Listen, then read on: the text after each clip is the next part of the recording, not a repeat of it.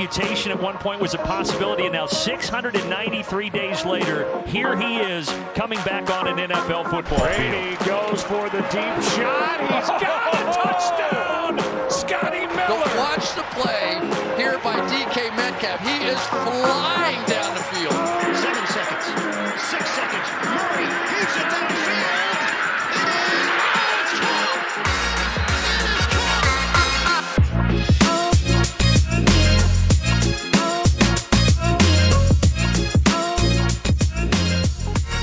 Welkom bij weer een nieuwe aflevering van de Sport Amerika Fantasy Football Podcast. Week 14 alweer en veel belangrijker, de laatste week waarschijnlijk in jouw regular season voordat de playoffs beginnen. Het is do or die tijd. Het is de wedstrijd dat je spelers het niet mogen laten afweten. Het is de wedstrijd dat je maar beter kan hopen dat je gisteravond Delvin Cook niet op de bank hebt gehouden. Maar daar komen we zo meteen op terug, want zoals altijd zit ik hier niet alleen. Want gelukkig weer terug na vorige week een weekje te hebben gemist, Jimmy Driessen. Hey, hallo. En een, eh, nou ja, niet een nieuwe naam, want volgens mij hebben we hem al een keer helemaal aan het begin van het seizoen eh, gehad. Maar eh, toch wel een klein beetje een nieuwe naam, namelijk de host van de normale NFL-podcast, Ton de Vries. Ja, thanks. En ja, Ton, ehm, we gaan het straks uitgebreid hebben over jouw ervaring dit seizoen. Jij bent, ik, ik omschreef jou bij ons in de chat als een semi-rookie. Jij zegt nou, zeg maar, gewoon, zeg maar gerust gewoon rookie. En eh, ja, jij hebt wat, eh, jij hebt wat, wat, wat learnings, wat, eh, god, dat klinkt wel heel corporate ineens op deze manier. Maar wat, ja, wat dingen die jij zijn opgevallen, wat conclusies van het seizoen die we straks even gaan doornemen, hoe jij hier dan op terugkijkt als, als rookie player. Ja, ik zal mijn slide deck erbij pakken. ja, precies, ja. Maar we beginnen even bij wat nieuws. En nou weet je, jij bent de host van de normale NFL-podcast, Ton. En dit is toch vooral normaal nieuws. Dus ik, ik geef hem even aan jou. het tragische nieuws dat ons deze ochtend bereikte. Ja, het overlijden van eh, de, de Marius Thomas, eh, daar denk ik dat jij natuurlijk op, eh, Ja, op doelt. Tragisch verhaal, hè. Is pas net, pas net met pensioen gegaan en is, is doodgevonden in zijn huis. Ik heb nog niet alle details gelezen, maar ik begreep dat het mogelijk te maken heeft met een auto-ongeluk wat hij in 2019 eh, al, al heeft gehad. Ja, natuurlijk ontzettend tragisch nieuws. Ik, ik was even benieuwd, heb- hebben jullie bepaalde herinneringen aan hem qua, qua plays of qua wedstrijden? Of ergens waar je, waar je aan denkt als je, als je aan zijn naam, als je, als je ja, naam hoort? Dat eh, recordbrekende seizoen van Peter Manning met name. Ja. Dat is toch wel, daar is de Marius Thomas voor mij wel eh, onlosmakelijk mee verbonden. Ook die, die Super Bowl die zij destijds natuurlijk wonnen. Dat Met is de Broncos eh, inderdaad. Met de Broncos inderdaad, onder leiding van Peyton Manning natuurlijk. Ik denk wel dat dat zijn, zijn, zijn, ja, zijn, zijn brightest moment was, zeg maar. Hij heeft ook nog even bij jou Patriots gespeeld, toch? Ja, maar mijn Patriots hebben de goede gewoonte om elke, elke receiver die een respectabele leeftijd bereikt... gewoon nog heel even uit te nodigen om even te kijken of er nog wat in zit. zeg Zo allemaal dat het een nieuwe mos is. Het had gekund, maar helaas, het bleek niet zo te zijn. Nee, maar ehm, Veel te ja, vroeg. wat je zegt, wat je zegt eh, Ton, eh, 33. verschrikkelijk nieuws. 33 jaar, ik denk dat het ook bij, bij nou goed, ik, eh, wij zijn volgens mij allemaal eh, eh, voorbij die leeftijd. Ja. Zeker ruim voorbij die leeftijd. En dan eh, komt, het, eh, komt het natuurlijk altijd wel verbinden als een, ja, toch een jonge jongen als, eh, als dat. Eh, eh, net klaar met zijn NFL-carrière. Volgens mij heeft hij eh, volgens mij afgelopen zomer officieel gestopt. Ja, Ehm, ja, eigenlijk net pas aan het begin van de rest van zijn leven, om het zo even te zeggen, dat dat dan allemaal niet, eh, het, het, het hem niet gegeven is, is eh, enorm triest. ja heel, heel vervelend nieuws. Dan eh, was er nog een andere, gelukkig wat minder heftig dan dit, maar eh, in, in potentie met wat, eh, met wat gevolgen voor de toekomst van voetbal. Jimmy, wij hadden het een tijdje geleden over een bepaalde fake slide van volgens Ja. mij een quarterback in het college Ja, voetbal. van Pickett inderdaad. Ja, en toen zeiden we het even, nou het zou ons niet verbazen als dat door de, de, de powers that be verboden gaat worden. En wat blijkt, Ja, een week later is het al verboden inderdaad. Of nou verboden is niet het goede woord, je mag nog steeds een fake slide doen. Maar zodra je dat doet, dan eh, zullen de eh, officials zeggen dat Ja, deadball, direct een inderdaad. deadball... Dus zodra je een beweging maakt die lijkt op dat je down wil gaan, is dat de, het punt waar je down bent. Punt. Precies. En Ja. een goede call? Ja, vind ik wel heel terecht. Want ten eerste, je geeft zo eigenlijk de quarterbacks anders een te groot voordeel. Want je zag bij die play van Pickett ook twee verdedigers van de tegenpartij. Ja, die hielden in omdat hij dacht dat hij ging sliden. Want ja, dan mag je hem dus niet meer aanvallen. Maar dat gebeurde niet en daardoor kon hij gewoon eh, ruim baan doorlopen. Plus het feit, eh, stel voor eh, dat iemand het wel doet en, en zo'n verdediger gaat er wel op los. En ja, en je quarterback die is niet beschermd op dat moment. Ja, dan Ja, heb je ook een probleem. En je krijgt ook, een, eh, je krijgt ook twee woorden tegen elkaar. Want op, zo, op het moment dat zo'n zo'n tackle wordt ingezet en, die, en een verdediger zegt, ja, ik dacht dat hij een fake deed. Precies. En die quarterback zegt, nee, ik probeerde gewoon te gaan sliden. En wie weet behoudt, houdt hij er wel een hartstikke zware blessure aan over. Ja, dan heb je natuurlijk een hele lastige situatie die van beide kanten eigenlijk te verdedigen is. Want ja, je kan inderdaad als verdediger dan niet meer het risico nemen dat je hem laat doorlopen. En als quarterback word je misschien inderdaad wel keihard getackeld, terwijl je eigenlijk gewoon voor de, voor de slide ging. Precies, het, eh, het is gewoon een heel grijs gebied anders. En eh, met sommige regels ben ik het wel blij dat ze het, voornamelijk vanwege de gezondheid voor de quarterbacks, dat ze het zwart-wit maken nu. Ja, ben ik het eh, helemaal mee eens. Waar ik nog benieuwd naar ben, bij, eh, bij turnen, als je dan een nieuw, iets nieuws bedenkt, dan, eh, dan mag je je naam eraan verbinden. Hè? Zou, zou dit nou ook in de toekomst de Picket Rule gaan heten? de Nou, picket zou best rule. wel kunnen, ja. Ja, wie weet. Het is, het is, het is zijn, zijn bedenkelijke eer om dan die regel aan zich verbonden te hebben wellicht. De tijd zal het in ieder geval leren. Goed, zoals gebruikelijk eh, beginnen we natuurlijk eh, na dit nieuws dan eh, met de recap van Thursday Night Football. En Ton, ik ga jou even hier on the spot zetten, want jij bent natuurlijk normaal gesproken degene die de recaps inleidt met dan de opnames op maandag. Dus ik zou zeggen Pittsburgh Steelers at Minnesota Vikings. Take it away. Ja, ik, ik, ik heb een deel van de wedstrijd terug zitten kijken. En eigenlijk denk je op een gegeven moment bij deze wedstrijd van nou, dit is toch tegen de rust wel, wel beslist. Eh, de Vikings nemen een eh, enorme voorsprong eh, in deze wedstrijd. Met name natuurlijk de, de, de holes die werden gecreëerd voor Delvin Cook. Nou, da- daar, daar hadden wij ook doorheen kunnen rennen. Dat was, dat was bijzonder om te zien. Maar ja, in de slotfase, de Steelers kwamen toch wel verrassend nog, nog heel dichtbij. Zelfs zo dichtbij dat, dat famous Pat Fryermuth, de rookie tight end, nog een kans kreeg om in de endzone de bal te vallen, te Ja. vangen. Ik had nog niet goed gezien die laatste play. Was, was hij nou echt goed te vangen?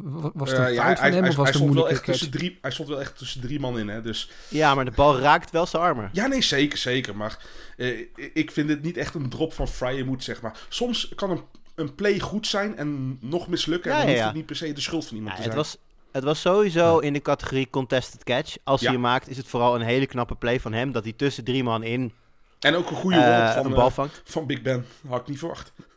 Ja, nee, precies. Dus Nee. het is, eigenlijk gaat alles goed in die play. En inclusief de defense, zo eerlijk Ja. moet je zijn. Eh, ze, ze hadden hem goed door. En eh, de druk is uiteindelijk voldoende. Die bal valt. En dat blijkt de laatste play eh, van de wedstrijd te zijn. Ehm, voordat we naar de defensie dingetjes eh, bij deze wedstrijd gaan... ehm, wil ik naar een moment, een seconde of dertig voordat, eh, voor, voordat inderdaad eh Fryer moet de bal uit zijn handen laten vallen. Want eh, het is fourth and one. Eh, Big Ben gooit de bal richting eh, Chase Claypool. En nou jongens, eh, vertel maar wat er vervolgens gebeurt. Nou, hij vangt hem heel goed. En gaat lekker een celebration doen. Een offensive lineman, zijn ploeggenoot van de Steelers, komt eraan. Die wil de bal pakken, want ze wil hem spiken natuurlijk, want ze hebben weinig tijd. Ja, en daardoor valt de bal weg in het veld gewoon. En duurt het gewoon weer 6, 7 seconden extra voordat ze weer een nieuwe play kunnen inzetten.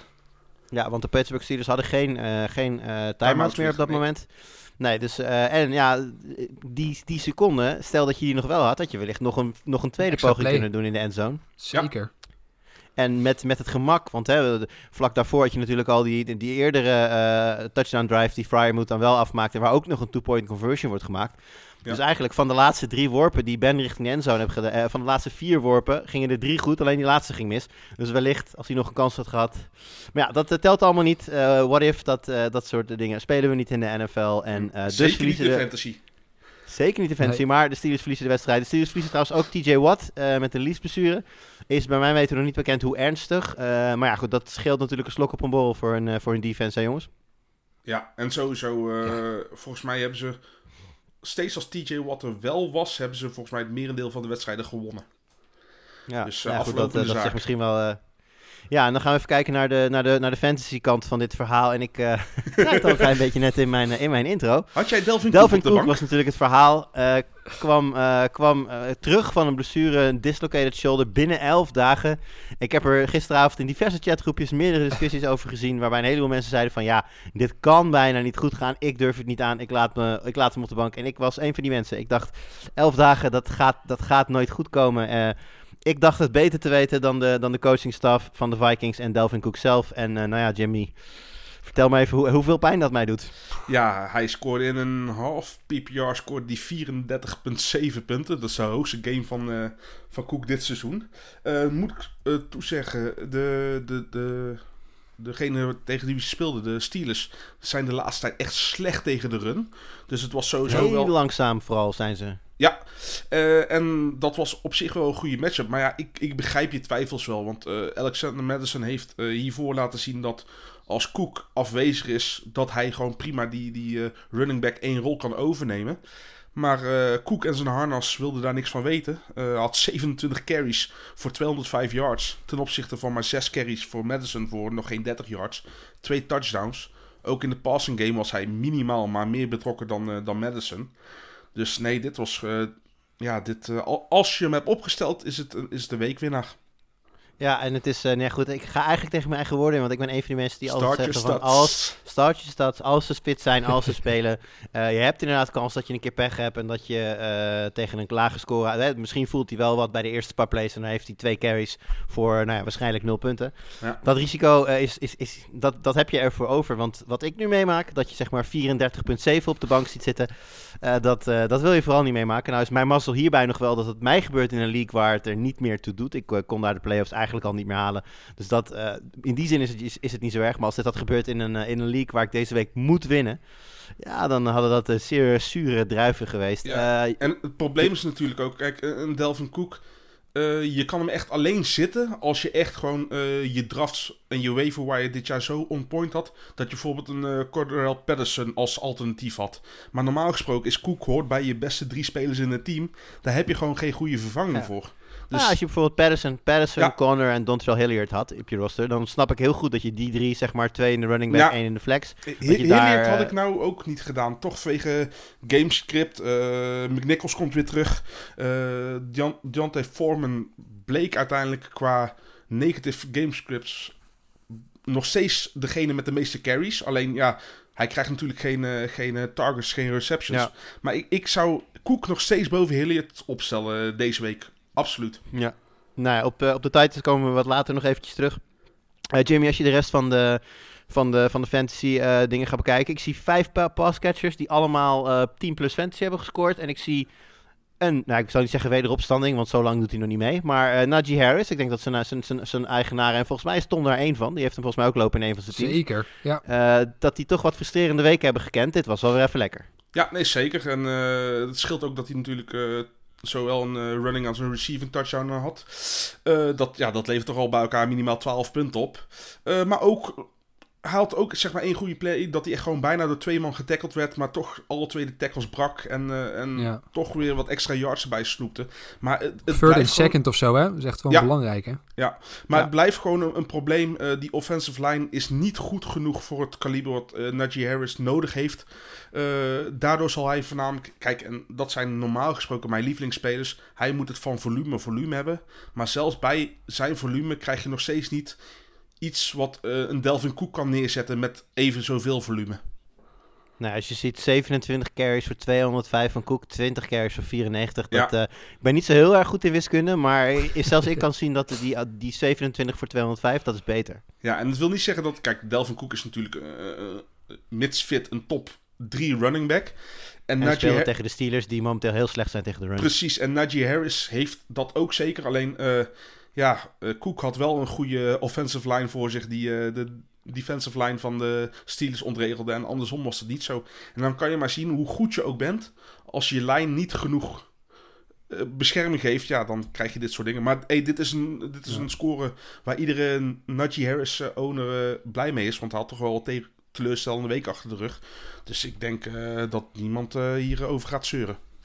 Heeft, eh, heeft eh, deze prestatie van Harris eh, voor jou nog iets opgeleverd, Ton? Staat, zie jij nu ineens kansen? Nou ja, kansen. Het, het is zeker in een league waar ik de punten hard nodig heb van mijn, van mijn sterren. Kan ik zo goed gebruiken. Dus ik was zeer, zeer tevreden inderdaad met, met dit resultaat. Dat is in een league waar, waar eigenlijk alle allemaal sterspelers inmiddels geblesseerd of al, al klaar zijn met het seizoen. Dus eh, het is een van mijn sterkhouders in, in, in die league. Dus ik was, eh, ik was zeer tevreden met, eh, met wat hij voor elkaar kreeg gisteren. Mooi. Hey Jim, nog heel even kort. Eh, dat lijstje wat ik net noemde, die, die vijf passcatches. Claypool, Washington, Deontay Johnson. Aan de andere kant natuurlijk Jefferson. En ook nog eens eh Thielen, invaller, KJ Osborne. Allemaal eh, ruime scores. Osborne natuurlijk voornamelijk door die lange Door touchdown pass. breakaway touchdown inderdaad. Ja, maar goed, uiteindelijk is dat wel... Hè, wat we vorige week hadden we het er met Las over met Pollard. Van ja, het weinig volume, maar je hebt maar die ene play nodig. Ja, en we wisten allemaal dat Osborne die, die kwaliteiten wel heeft. Ehm, is, zijn het ook die vijf, vijf namen waar je in het... in- in- zeg maar, hè, mocht je dan de play-offs halen met je team... Maar je- blijf je deze jongens opstellen? Osborne Eh, natuurlijk mede afhankelijk van wat er met Thielen gebeurt. Dat begrijp ik. Eh, nou ja, goed, zelfs als Thielen eh, er een heel seizoen uit ligt, is Osborne voor mij niet een automatische start. Want ja, je hebt gelijk over die, die, over die lange touchdown pass. Die potentie heeft hij zeker. Alleen de red zone targets gingen allemaal het meest naar Jefferson toe en naar Conklin. Dus eh, zij nemen eigenlijk de rol van Thielen over. En Jefferson, dat kan nou gewoon een, een als het al niet al een top 3 receiver is. Het kan zelfs een, de nummer 1 receiver aan het eind Ja, van het jaar zijn. absoluut. Ja, Cup gaat hij misschien niet meer inhalen. Maar wel gewoon de rest of season. Heb Ja. ik meer vertrouwen in Jefferson dan in Cup. Ik eh, ben Overigens dat hadden ze eh, helemaal... Tweede helft hadden ze hem Ja. wel aardig onder controle. Want de eerste helft was hij echt totaal niet, eh, niet te grijpen voor de verdediging van de, van de Steelers. Maar de tweede helft hadden ze hem redelijk onder controle. Volgens mij had hij een paar drops ook. Dus hij zakte Ja. wat weg. Maar de eerste helft Ja, was, maar was goed. weer weergeloos. Maar, maar je ziet hoe hij had 15, 15 targets gekregen. Nou ja, hey, ik wil echt wel 15 targets eh, een speler op Ja. een team hebben. En als je inderdaad ook nog zag, eh, één eh, red zone, nee, één endzone eh, catch werd uit zijn handen geslagen inderdaad. Ja. En eentje ging net over zijn hoofd heen. Als, als die ook nog, hij had gewoon drie touchdowns kunnen hebben. Hè? En hij heeft nu 17 punten gescoord. Maar als hij ook nog twee touchdowns erbij had, ja, dan dat had niet eens gek geweest. Ja, gezien de usage. Maar ik denk ook dat je dat niet los kan zien van de prestatie van Cook. Valt eigenlijk... De, de score van Jefferson valt, als je heel eerlijk bent, nog een beetje tegen. Ja, ja, maar, Ik, ik, eh, maar, dit, maar dit is zijn floor. Ja, nee, precies. Maar als je Ja. kijkt naar hoeveel, hoe groot de usage nu is, zo, zeker zonder Thielen en zeker met de touchdown equity er ook nog bij, dan, dan ben je met 17 punten van Jefferson in HFPPR eigenlijk niet zo heel erg tevreden. Ik sta, ik sta ergens eh, tegenover iemand die Jefferson heeft tegen mij, maar ik heb Osborne. En eh Osborne pakt 15.8 en Jefferson 17. Nou, ik kan je wel vertellen, ik voel me prima daarbij. Ja, maar laat ik het zo zeggen. Voor die week is dat een, voel je je prima. Maar ik kijk, daar, ik kijk liever naar de lange termijn. Ik kijk naar hoe de punten tot stand komen en welke punten ze hebben laten liggen. En dan Ja, weet ik gewoon dat, dat Jefferson een gigantische ceiling heeft. Het, ha- het had niet gek geweest als hij nou ook gewoon 30 punten had gescoord. Ja, nou, eens had, had zomaar gekund. Goed, Daan, laten Mag we ik het hierbij een, wat eh, betreft... Mag ik jou een vraag stellen? Voor jullie een vraag stellen? Als, eh, in, eh, als er nu een Dynasty Startup eh, draft is, is het, is het Jefferson de eerste... één. ja, Jefferson eerste één. die van het bord gaat? Ja, Ja, nee, Ja. nee, nee. Qua, qua, qua wide receiver. Qua, ja wide receiver. Ja, ja. Ja, Jonathan Taylor is, is voor mij echt de absolute nummer 1 pick qua Dynasty Ja, overal. dat weet ik niet. eh. Ik vind, qua houdbaarheid van running backs versus de houdbaarheid van, van wide receivers, is dat dan, is dan, is dan Taylor's... Ja, Nee, maar ja, ik snap het. Kijk, van Taylor ga je waarschijnlijk minder lang plezier hebben. Alleen de, de positional advantage die hij geeft over Ja, ten opzichte van andere running backs is veel hoger dan je hebt 12 goede receivers die op Ja. any given Sunday een hoger score dan Jefferson kunnen pakken. Bij Taylor is dat niet zo. Ja. Staat er voor jou Derrick Henry dan ook in de eerste, in de eerste ronde nog, of is die te oud? Mm, in half PPR en standard staat hij borderline. Misschien nog net aan het einde. Misschien 11, 12. Full PPR is het een eh, eind tweede ronde pick. Goed, wat ik zei, we laten het hierbij voor Thursday Night Football. En we gaan door naar wat er allemaal nog komen gaat. En we beginnen natuurlijk met de start en sit van de week. En aan wie kan ik nou beter de eer geven om daarmee te beginnen dan Ton? Dus Ton, wat is jouw start voor deze week? Eh, mijn start van de week is... eh, ik, ik weet niet of ik het nou helemaal correct heb, maar ik had hem Mr. 8 Kids with 8 Different Women eh, genoemd. George mij, Jacobs. Volgens mij negen. 9 zelfs. bij 8. Oh, 9 volgens zelfs. mij. Ja. Ja. Ja. Ja, toen dacht ik, weet je, iemand die zo vaak eh, raak schiet, die moet je gewoon opstellen. Eh, dus eh, ik zou George Jacobs starten. Nee, Kenyon Drake is natuurlijk geblesseerd bij, bij de Raiders. Daarachter hebben ze niet zo vreselijk veel. Ja, ze hebben nog die andere Peter Peter- Barber volgens Ja, mij. die is ook niet fit. Oh, die is ook niet eens fit. Nee. Nou goed, dat is extra, extra reden denk ik. Ik denk dat een hoge workload gaat eh, krijgen. Dat ze veel gaan rennen tegen de, tegen de Chiefs. Eh, dus een ho- hoge load, eh, veel kansen. Ik denk dat er toch nog wel wat punten gaan worden gescoord in, in En- die wedstrijd. Ook in de passcatching doet hij tegenwoordig echt goed mee, hè? Ja, Ja, Ja, en Ja. KC heeft best wel goede coverage de laatste weken. Dus de kans dat eh Carr ook een heel aantal ballen kort gaat gooien, die, die Jacobs dan als dump of eh, Precies. ja, naar zich toe gegooid krijgt. eh, als, als hij daar eh, 5, 6 catches en eh, 30, 40 yards aan overhoudt, dat, dat doet heel lekker mee voor je fantasy score natuurlijk. M- Maar, Ja. die, maar die Chiefs defensie is de laatste tijd toch echt al een stuk beter geworden, hoor. Ja, ja, ja. Nee, dat, juist- dat vind ik het enige daarom- risico ook. Ja. Want het is inderdaad Nee, wel... nee, eh, Nee, nee, nee, vind ik juist niet. Want daarom Nee, kijk precies. je Ik ben helemaal met Jimmy eens. Als, ze- als, ze goed, als ze goed spelen, de, de KC, dat betekent dus dat zeg maar de, de, de, de, de premier outlets, de, de, de, de deep threats en zo, dat die goed afgedekt worden. Dus dat betekent juist Ja. dat er heel veel dump-off, heel veel onder Volume, underneath gaat volume. komen. En ik, ik denk dat vooral voor Josh Jacobs en misschien in mindere mate ook Hunter, Hunter Renfro, dat dat heel veel volume Ja, gaat opleveren. Ja, ik was misschien Ja. bang voor red, voor red zone eh, eh, share en, en kans op touchdowns. Dat het daar misschien, eh, dat misschien wel een low scoring game zou kunnen gaan worden. En dat, dat hij daar dan wat punten gaat missen. Maar Maar ja, hij is, wel, hij is ook hij e- veel hij is ook de worden. enige met touchdown ups- upside, denk ik, van de Raiders op dit moment. ja, ja. Nou goed, des Is te dit- meer is- reden. Is, dit een dis, is dit een dis naar Foster Moreau? Sorry? Oef, ja. Is dit een dis naar Moreau? Ja, ik denk dat hij heel veel mensen heeft teleurgesteld vorige week. ja, dat, dat snap ik wel. Eh, Jimmy, wat is jouw start voor deze week? Eh, ja, de, de Grinch, Taysom Hill.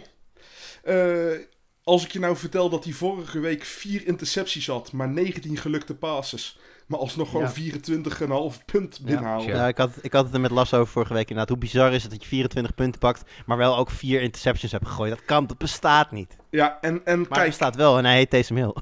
Eh, hij houdt al geen receiver meer over, want ook Deontay Harris is nou geschorst. Hij krijgt natuurlijk wel Elvin Kamara terug, dus de dump-offs daarop leveren hem ook weer punten op. Ik ga ervan uit dat hij nog steeds eh, de touchdowns wel van Kamara afpakt.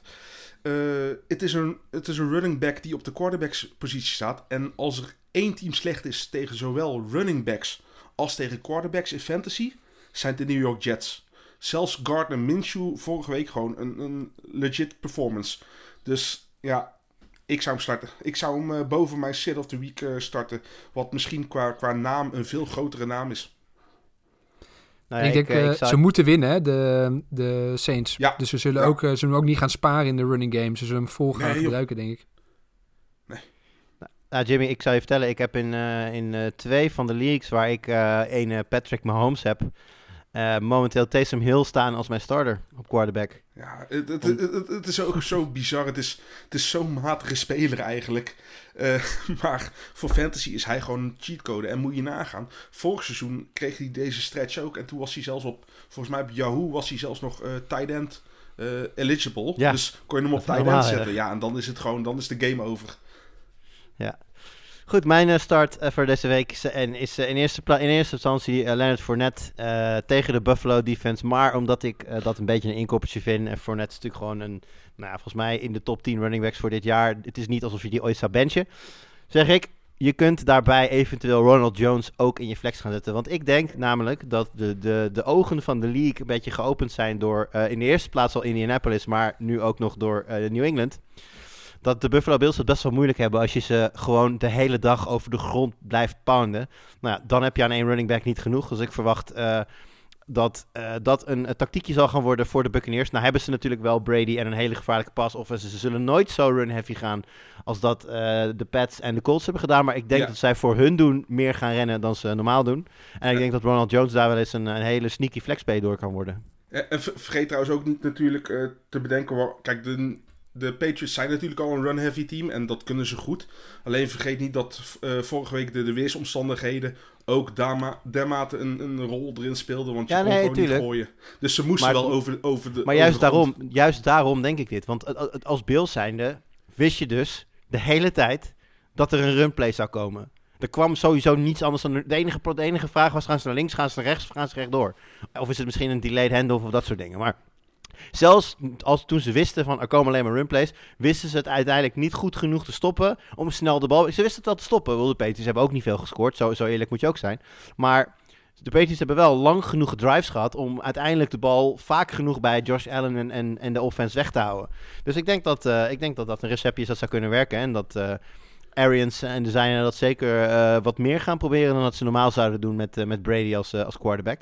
Dus eh, nou ja, voor net, ik zei het al, easy start. En eh, Ronald Jones, als er ooit een, eh, een week is waarin ik hem in mijn flex wel aandurf, dan is het denk ik nu. Wie, wie zou je eerder starten? Dante Foreman van de Tennessee Titans of Ro- Rojo? Eh, Titans, ja, Titans tegen de Jaguars, hè. Dan toch Ja. wel, dan in, in die situatie dan toch wel eh Deontay Foreman. Maar, Sony, eh, Sony Michel als Henderson wel er is. Of Rojo. Nee, dan ga ik Rojo. Oké. Eh, komen we bij de wat mindere eh, kant van het verhaal uit. En eh, Ton, ik, eh, volgens mij eh, in de categorie Kill Your Darlings zie ik hier. Ja, ik dacht ik hou dicht bij huis dit keer. Misschien ook wel een verrassende naam. DJ Moore, natuurlijk wel Ja. een van de, de spelers die Tegen toch Atlanta, weet je het zeker? Nou ja, eh, ik had er wel een redenering voor. Dus eh, bij, bij de, de Panthers natuurlijk Joe Brady eh, weg. Eh Matt Rue heeft altijd gezegd dat hij vol op de running game wil, wil leunen. Dus ik denk dat hij dat eh, nu Joe Brady weg is ook eh, daadwerkelijk eh, gaat, eh, gaat, gaat doen. Dus er gaat heel veel eh hogere running game, eh, ru- run-heavy offense gaat er, gaat er komen. Had tegen Miami vorige week, of twee weken geleden, nog 104 yards. Maar dat was met name eigenlijk één catch. Verder was het ook niet zo heel veel. En als je dan terugkijkt, moet je toch echt terug naar week 4 voor meer dan 100 yards voor, voor DJ Moore. En er komt nog een ander punt bij. En dat is dat de offensive line van de Panthers echt abominabel slecht is op dit moment. En met name in, in pass protection. Eh, Sam Darnold kreeg al heel weinig tijd om de bal te gooien. Een 2,5 seconden gemiddeld. Maar Cam Newton in zijn eerste optredens nu toe kreeg slechts 2,1 seconden. En er zaten offensive line men eh, spelers bij die eh, van PFF een, een rating kregen van 0,0. Nou, dat, dat, is, dat is vrij slecht. Ehm, dus ik denk dat en eh, Cam Newton weinig tijd gaat krijgen om te gooien. En ik denk dat ze überhaupt heel weinig gaan gooien. Dus ik vrees eigenlijk voor DJ Moore en zijn kansen. Hij zal vast wel eh, wat targets krijgen. Maar of het echt veel gaat zijn, ik waag te betwijfelen. Dus ik durf eigenlijk mijn vingers niet aan hem te branden. Ik, ik, kan iemand, ik kan iemand niet laten zitten met zo'n grote target share. Helemaal nu CMC voor het seizoen uit is. Ik, ik snap je redenering, maar ik, ik kan niet iemand die vaker wel dan niet 10 of meer targets krijgt. Die kan ik gewoon Ja. niet laten zitten. Ik eh, zit er een beetje tussenin. Ik, ik, ik voel heel veel voor de uitleg van Tom. Maar inderdaad, eh, ja, wij hebben toch altijd wel de regel eh, volume is king. Dus een lastige. Ik, ik heb gelukkig volgens mij geen teams waar ik DJ Moore heb. Dus deze keuze hoef ik persoonlijk niet te maken. Maar ja, het zijn allebei goede cases. Hey Jim, jouw zit van deze week. Ja, ik had het natuurlijk al een beetje verklapt dat het om een quarterback zou gaan. Met een iets grotere naam dan uh, Taysom die mijn start of the week is. Eh, Joe Burrow van de, van de Bengals, Cincinnati Bengals tegen de, tegen de 49ers. Eh, nou, qua stats de laatste twee weken wel boven de 15 punten. Maar als je ziet, Chase weet hij een stuk minder goed te bereiken. Nou is vorige week, eh, wordt er wel een pass door Chase gedropt. Als die binnen was gelopen, dan was de stadlijn van Burrow en Chase een stuk beter. Alleen eh, ten eerste zijn, zijn pink is uit de kom gegaan, of wat het ook gebeurde. Daar heeft hij de tweede helft ook de hele tijd mee gegooid. Ging niet van harte. Plus het feit, als Joe Mixon eh, fit is, daar zijn nog twijfels over. Eh, ik zei het aan het begin van, volgens mij week 2 of 3 al, dat eigenlijk uh, de Bengals een heel run-heavy team zijn geworden ineens. Ondanks uh, de, pass catch, de pass catches die ze hebben. En, ja, een schande met, zo, met, zoveel, met zoveel wapens. Ja, gewoon, ja absoluut. Dat is niet leuk je... voor ons. Wij, wij, moeten ook iets hebben om naar te kijken. Nee, en, en ook het feit van zijn blessure. Ja, ik, ik, ik, ik, ik ga hem. Als ik Burrow en Taysom Hill beide heb, no-brainer wie ik start uh, Hill. Uh, Joe Burrow is voor mij niet eens een quarterback 1 deze week. Dat uh, is, een, is een helder verhaal. Ik denk dat dat zou wel zou, zou kunnen kloppen. Alleen al omdat er gewoon heel veel goed scorende QB's zijn. En met Taysom Hill komt er natuurlijk sinds vorige week eentje bij. Mijn sit voor deze week is ja, een speler die je denk ik wellicht als top 5 tight end, top 6 tight end gedraft hebt. Nu dat dit seizoen oh, stiekem nog wel eens zou kunnen zijn. Maar simpelweg door de onbetrouwbaarheid van TJ Hawkinson en de Lions offense. Ja, ze hebben hun eerste win, maar uh, ik voel me als Haw Hawkinson-eigenaar zeker niet uh, gesterkt. Uh, daar komt bij dat de Lions deze week tegen Denver spelen. En ik vind die defense de laatste weken erg goed spelen. Uh, dus voor mij is TJ Hawkinson een speler die ik probeer te vermijden in mijn line-up deze week. Hij heeft ook uh, gisteren donderdag heeft hij ook niet uh, getraind. Hmm. Ja, dat maakt het wel weer een heel klein beetje obvious dan dat je hem zou uh, moeten, verwi moeten verwijderen als hij, als hij niet speelt. Wist ik nog niet eens. Het ging maar eigenlijk puur om de matchup tegen, tegen de Broncos en de, ja, toch wel de onvoorspelbaarheid, de wisselvalligheid van, van de Lions offense. Ja. Ik heb ook een beetje het idee van, ze hebben natuurlijk nu die highs, ze hebben eindelijk gewonnen. Het voelt een beetje alsof de Lions nu gewoon ongenadig hard dan de, de, de deksel weer op hun neus gaan, uh, gaan krijgen. Van jullie zijn eigenlijk wel gewoon een heel slecht team. En Denver gaat dit heel dik winnen, weet je wel. Ik voel dat een beetje aankomen of zo. Ja, het ergste met Hawkinson, je hebt hem gedraft omdat hij een van de weinige tight ends zou zijn die een, een, een, een gegarandeerde volume zou krijgen. Want anders kan je net zo goed een, een, een, een, een Dawson Knox deeltijd hebben... die Ja. van touchdowns afhankelijk is. Maar als je kijkt naar zijn laatste vier wedstrijden... één target, acht targets. Drie targets, acht targets. Er is gewoon geen pijl op te trekken. Beetje de Gaskin Nee, onder, de, onder de tight ends. Nou ja, en dan ga je dus kijken naar matchups. En dan, eh, nou ja, goed, bij een goede matchup kun je het gokje een keer wagen. Ja. Eh, dat is een wedstrijd tegen de Broncos. Uiteraard niet. Dus eh, Ik zit nu eh, Eh, volledig in eh, mineur, want ik heb in een van mijn belangrijkste eh, matchups voor komende week in, in een van mijn Dynasty Leagues, eh, heb ik namelijk op tight end eh, of eh, TJ Hawkinson of eh, CJ Uzu- Uzuma van, Nou, van de Bengals. Zoma. Hawkinson. Ja, wie? Toch Hawkinson? Dan wel, ja, dan wel Hawkinson, omdat hij gewoon veel beter is. Ja, en dat niet alleen. Ik, ik zeg net dat eh, Burrow mijn sit of the week is. Omdat ik verwacht dat ze heel run-heavy gaan. En Ja. als ze al gaan gooien, dan hebben ze eerst Higgins, daarna Jamar Chase, daarna Boyd. En heel misschien als Mixon niet meedoet in de passing game, hebben ze nog eh CJ Uzoma. Ik zou het niet doen. Ja. Goed, dan eh, laten we het hierbij voor de starts en sits van deze week. En gaan we door naar de wedstrijden. Maar we beginnen natuurlijk heel even snel met een overzicht van de ploegen die dit week, weekend niet in actie komen. Dat zijn de Colts, de Dolphins, de Patriots en de Eagles. En dat betekent dus dat jongens als Jonathan Taylor, Michael Pittman, Carson Wentz, Tua Tagovailoa, eh Mr. eh, off, off Week en Even Week, Gaskin, die zich trouwens niet meer aan de regels houdt tegenwoordig, maar daar hebben we het een andere keer wel over. Die heeft het nou omgedraaid. Gesicki, Gesicki, Jalen Waddle, Damian Harris, Ramondre Stevenson, Hunter Henry, Jacoby Myers, eh, Kendrick Bourne, Jalen Hurts. Het trio Sanders, Scott, Ga- Gainwell. Ja, eerlijk gezegd, ik heb geen idee meer wie daar nu... Wat zeg je? Howard kan je er ook nog tussen zetten. Oh ja, Howard. Oh ja. Nou, dat is, het is inderdaad een, een string quartet daar op, op running back. En natuurlijk Devonta Smith. En eh, inmiddels de toch wel duidelijke tight end one, eh, Dallas Goddard. Die spelen dit weekend allemaal niet. En dus gaan we door met wie er wel spelen. We beginnen in de early window op zondag. En de Baltimore Ravens gaan op bezoek bij de Cleveland Browns. Ton, hoe eh, zie jij die wedstrijd? Nou, waar ik met name heel erg benieuwd naar ben, is of het nu wel de Browns lukt om eh, een, eh, run game van de grond te krijgen. Want in, in de vorige wedstrijd dat ze tegen elkaar speelden, hadden ze slechts 40 rushing yards. Nou, als je dan bedenkt Ja, dat ze natuurlijk met, met, met Chubb- en hun beide, hè? Ja, 40 yards. Nou, goed, dan, dan gaat er natuurlijk echt iets mis. En in, in dat duel hadden de Ravens 148 rushing yards. Dus dat, daar verloren ze het eh, overduidelijk. Nu hebben ze wel een bye week gehad. eh, dus je zou zeggen, nou, misschien weer redelijk fit eh, allemaal. Dus ik ben heel erg benieuwd of ze de, ja, in deze wedstrijd wel de, de run van de grond kunnen krijgen tegen de Ravens. Die ja, eigenlijk altijd spannende wedstrijden spelen. Dus überhaupt wordt het al leuk om, om naar die wedstrijd te kijken. En ook ben ik benieuwd voor de Browns. Is het echt wel een belangrijke wedstrijd? Die moeten eigenlijk winnen voor de playoffs. En de Steelers hebben verloren. Eh, dat is gunstig voor ze. Dus ik denk dat ze nu thuis voor eigen publiek. Ja, moeten ze, moeten ze gaan presteren. Dus ik ben benieuwd hoe ze met die, eh, met die druk omgaan.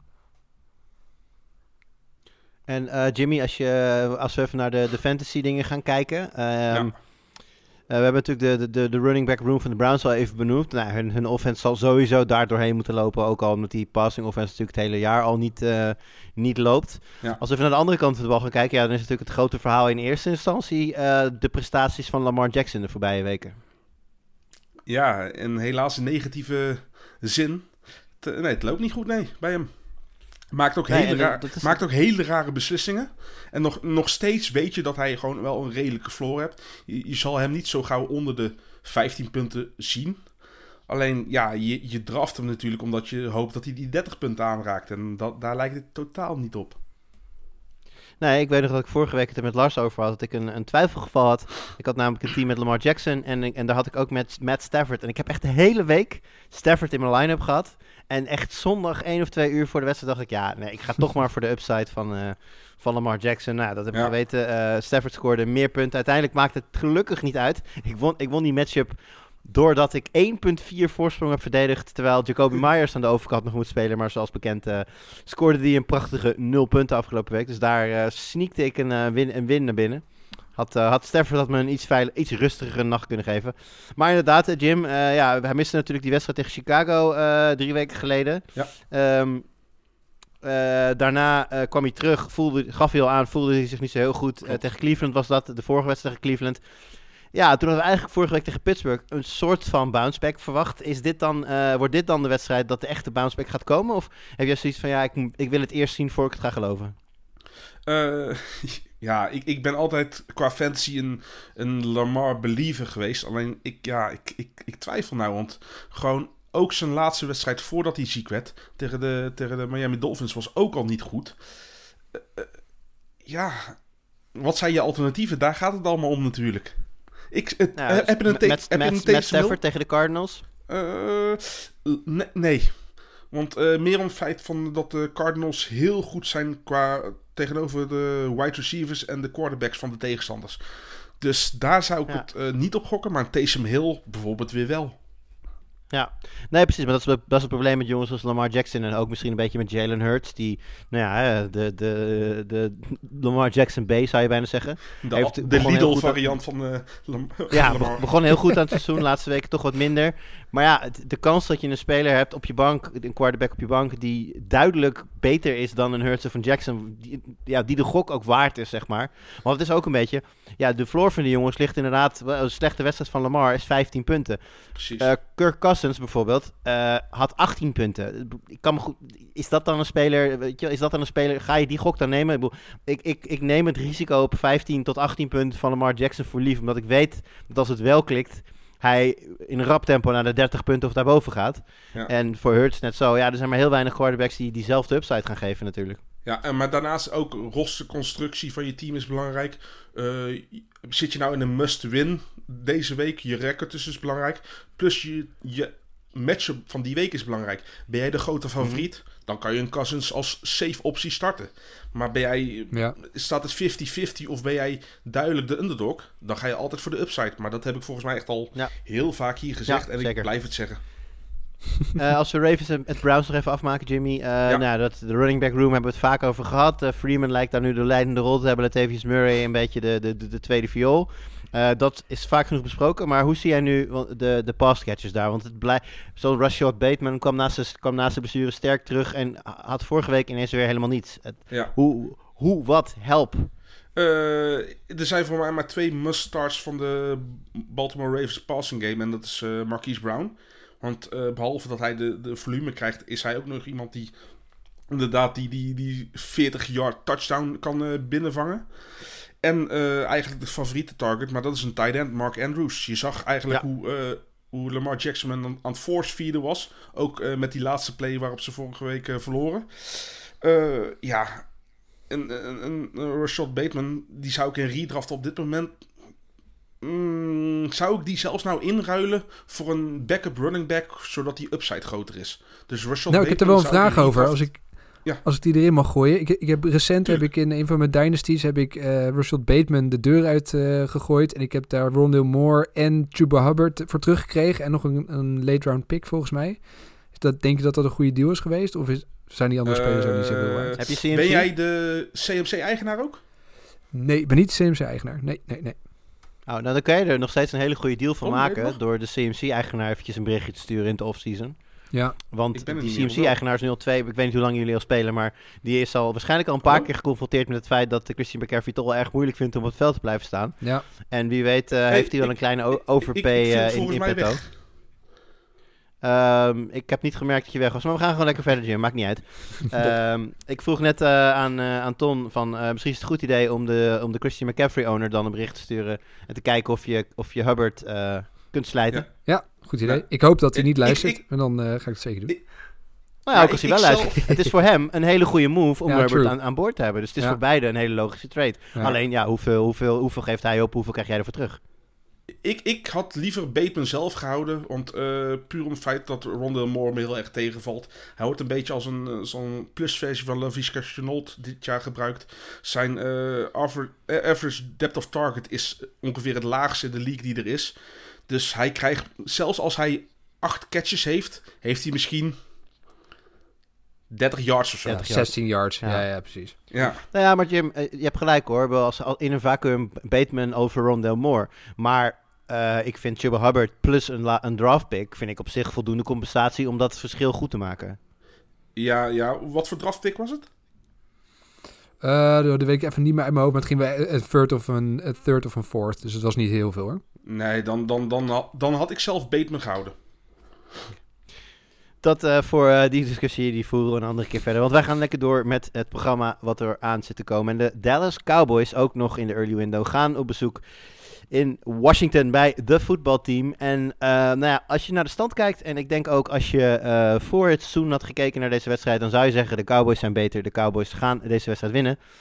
Maar eh, Ton, eh, ja, de Washington voetbalteam begint toch steeds lekkerder te spelen. Misschien wel ja, samen met een aantal de, de, Dolphins, de Patriots, maar toch ook de voetbalteam wel de ploeg in vorm. Ja, Hoe, de- eh, hoe, hoe, bibberend, hoe bibberend mag men zijn momenteel in Dallas? Nou, toch stiekem wel een beetje. Het doet, doet mij stiekem een beetje pijn. Want het is de, de ex-Panthers hoofdcoach, de ex-Panthers quarterback en de ex-Panthers offensive coordinator die het momenteel onwijs goed doen. Ehm, en, en ik vind echt dat ze het goed doen. Ze hebben wel wedstrijden wel nipt gewonnen. Maar aan de andere kant er zit echt heel veel spirit in het team. Hè, ondanks dat- ze hun eh, aantal van de beste spelers zijn kwijtgeraakt op een defensive line. Doet toch de defense het, eh, het prima. En ik vind met name, ja, ik noemde al de quarterback Taylor Heineke. Ik ben echt onder de indruk. De laatste vier weken een passer rating van boven de, de 110. Eh, ik heb een paar wedstrijden ook helemaal gezien. Ik vind echt dat hij goede keuzes maakt. Met lef speelt, weinig fouten. Ja, ik denk toch misschien wel dat ze, dat ze daar een quarterback hebben die in de komende jaren ook wel eens eh, eh, door kan groeien naar gewoon een steady, eh, prima, prima starter. Ik denk dat ze een kans maken. Dak, de afgelopen drie games, over die, ik had het net over die passer rating. Nou, die was bij eh, minder dan 80 in, in die drie weken. Ze hebben echt wat offensive line problemen. Volgens mij krijgt hij minder tijd om te gooien. Ehm, ik denk dat het een, zeker een spannende wedstrijd eh, gaat worden. En ik was even benieuwd eh, van jullie. Ik heb Amari Cooper in een paar eh, van mijn leagues. Eh, kan ik hem na zijn COVID-issues weer met een gerust hart opstellen, denken jullie? Of eh, is het nog te vroeg? Ik geef hem aan Jimmy. Ja, je- moet hem alleen niet als wide receiver 1 eh, upside verwachten. Ik denk dat het gewoon een low-end wide receiver 2 is.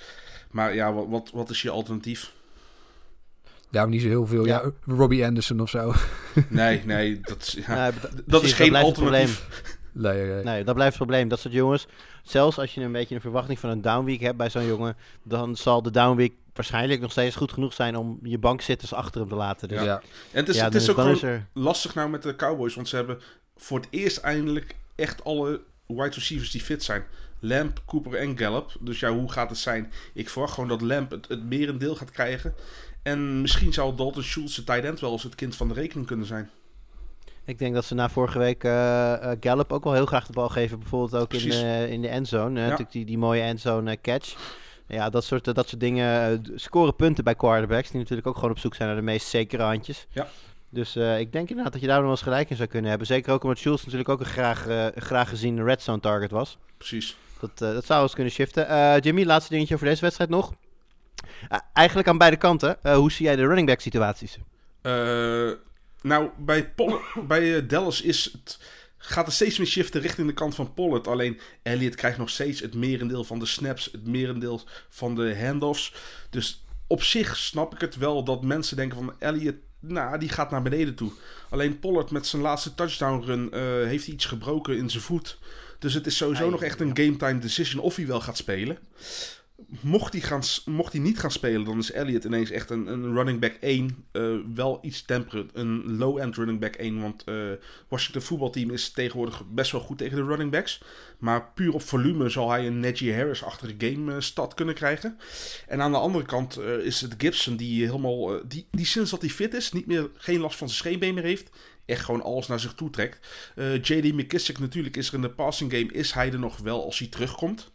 Eh, hij zit voor. Ik weet nog niet of hij gaat starten of niet. JD McKissick, ik zal even kijken. Eh, limited practice doet hij.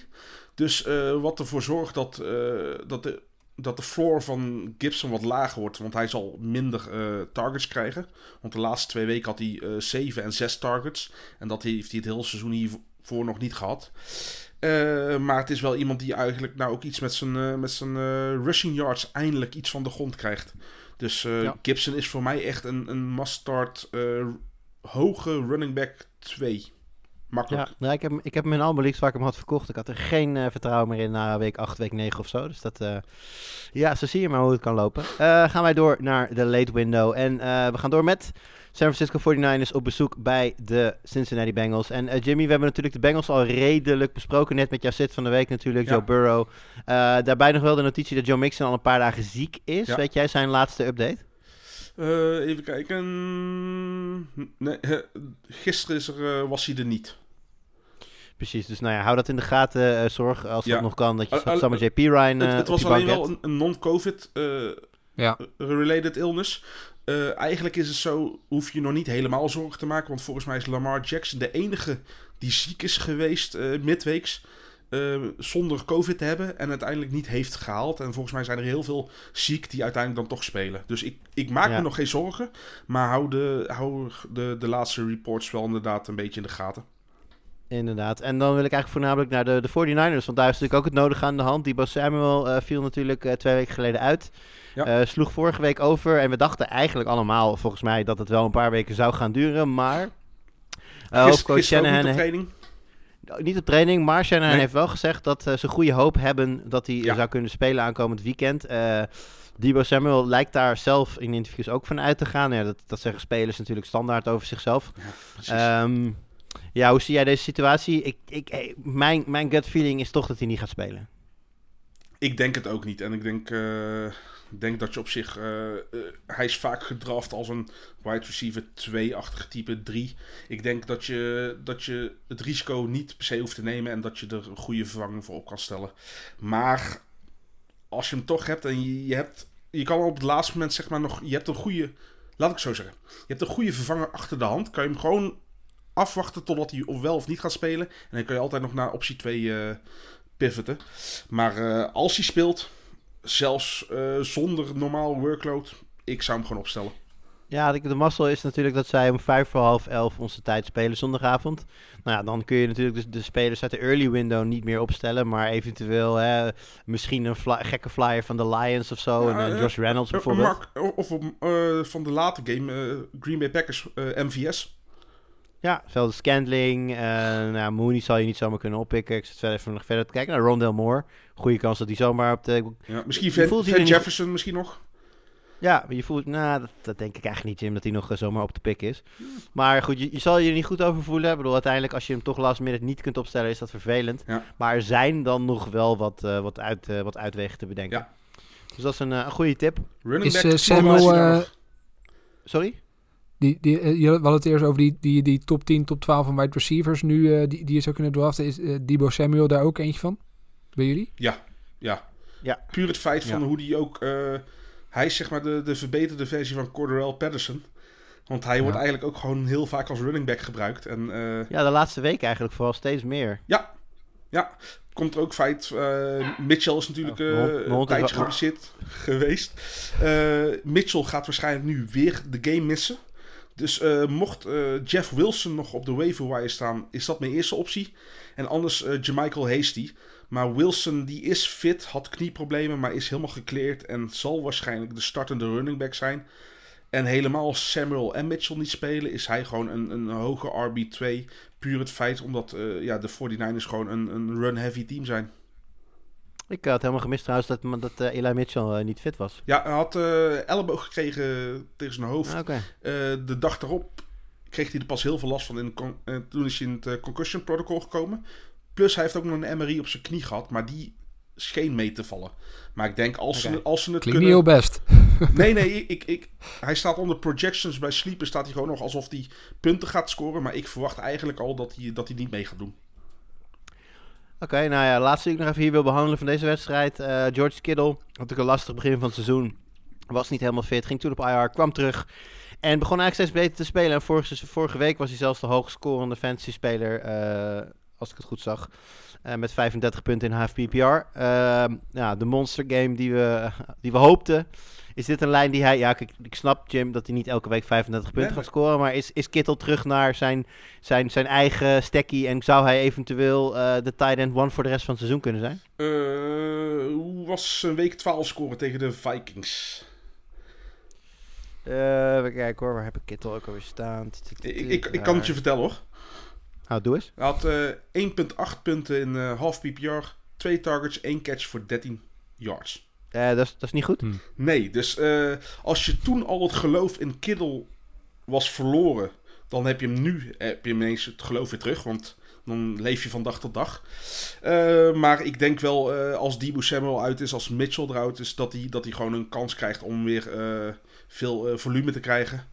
Eh, maar hij is echt iemand die het van zijn, van zijn breakaway plays moet hebben. Van zijn, van zijn bulldozer factor. En eh, ja, ik verwacht wel dat, dat hij dat tegen de, tegen de Bengals kan waarmaken. Want eh, we hadden verwacht dat Ayuk echt in eh, de schijnwerpers zou komen toen uh, Samuel er niet was en Mitchell er niet was. Maar het was eigenlijk Kittel. En ik, ik voorzie eigenlijk wel nog steeds dit. Het probleem was bij Kittel natuurlijk altijd dat hij weinig touchdowns scoorde. Maar de laatste vijf games heeft hij vijf touchdowns, waaronder twee vorige week. Dus ja, op, opstellen en niet meer naar omkijken. Dan uh, ga ik dat maar gewoon doen. Gaan wij door met de laatste wedstrijd die we uitgebreid behandelen. En dat is Monday Night Football. En wat een wedstrijd heet Ton. Kijk nou eventjes. De Los Angeles Rams op bezoek bij de NFC-leading Arizona Cardinals. Vraag 1 aan jou. Zijn de Cardinals na deze speelronde nog steeds de NFC-leading Cardinals? Oeh, ja, moeilijk. Um, ik vond wel uh, de, de, de eerdere, het eerdere duel tussen beide teams domineerden ze echt. Uh, 37-20 werd het voor de Cardinals in dat duel. Nu spelen ze thuis. Um, nou goed, dat uh, is niet per se een voordeel gebleken in de NFL dit jaar. Maar ik denk toch langzamerhand dat dat uh, nu het publiek erachter staat, dat het toch echt wel gaat helpen. Uh, ja, dat was de, de rushing game die de vorige, vorige keer echt van, de, van de grond kwam. volgens mij 216 rushing yards totaal. Heel veel van Edmonds toen. Ik zag je dat opgeschreven, opgeschreven dat hij ook misschien zelfs weer van IR terugkomt maandag. Dus wellicht speelt hij zelfs uh, weer. Ja, hij mag inderdaad terugkomen en het team heeft het ook aangekondigd. Alleen de vraag is natuurlijk of ze hem gaan starten dan. Ja, ja, nou goed. En anders is het natuurlijk met Kyler Murray en met uh, James Conner genoeg uh, rushing power. Dus ik denk dat ze daar uh, weer een, een heel eind mee gaan komen.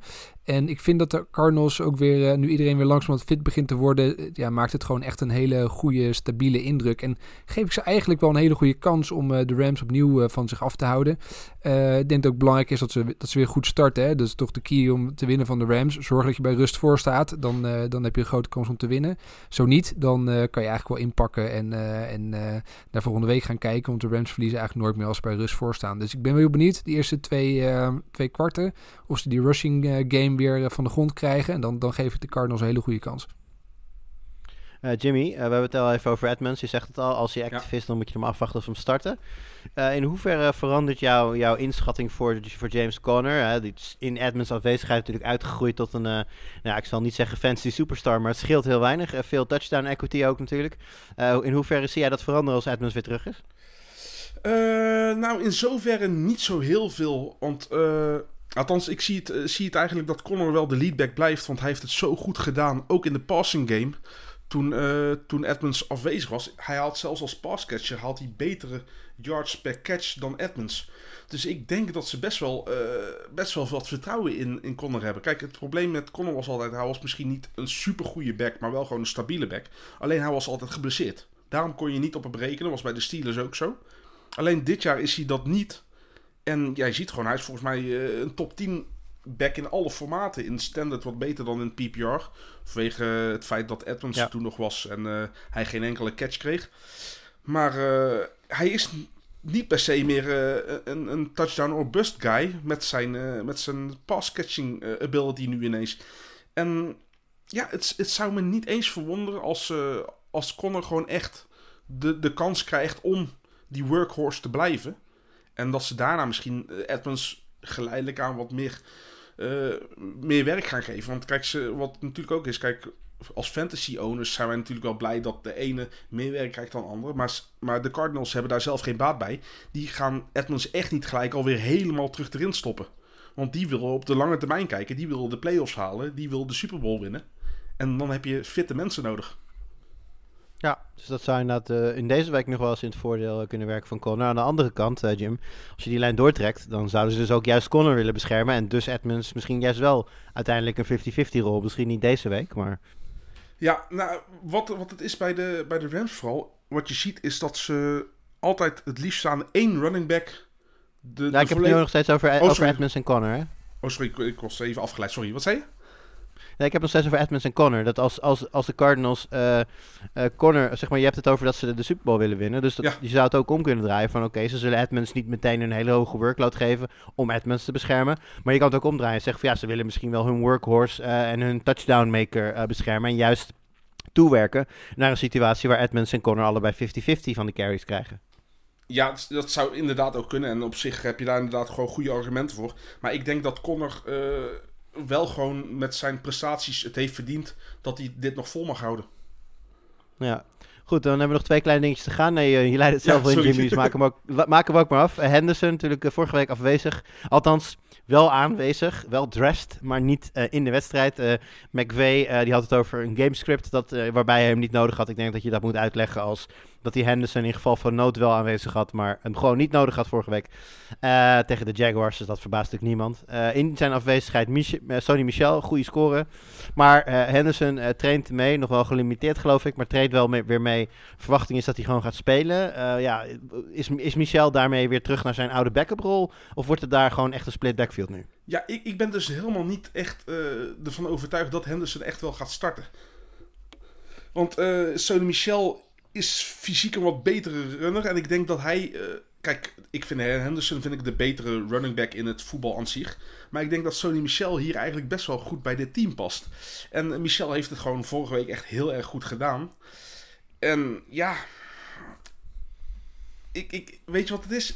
In fantasy is het nou het beste dat een van de twee inderdaad niet mee zou doen. Want dan, dan die andere is dan een must-start gelijk en ook gewoon een running back 1.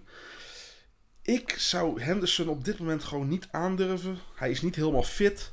Sean McVay weet dat. En waarom gaat hij hem dan ook gewoon erin zetten? Terwijl hij met Sonny Michel ook gewoon een hele goede running back heeft voor zijn type offense.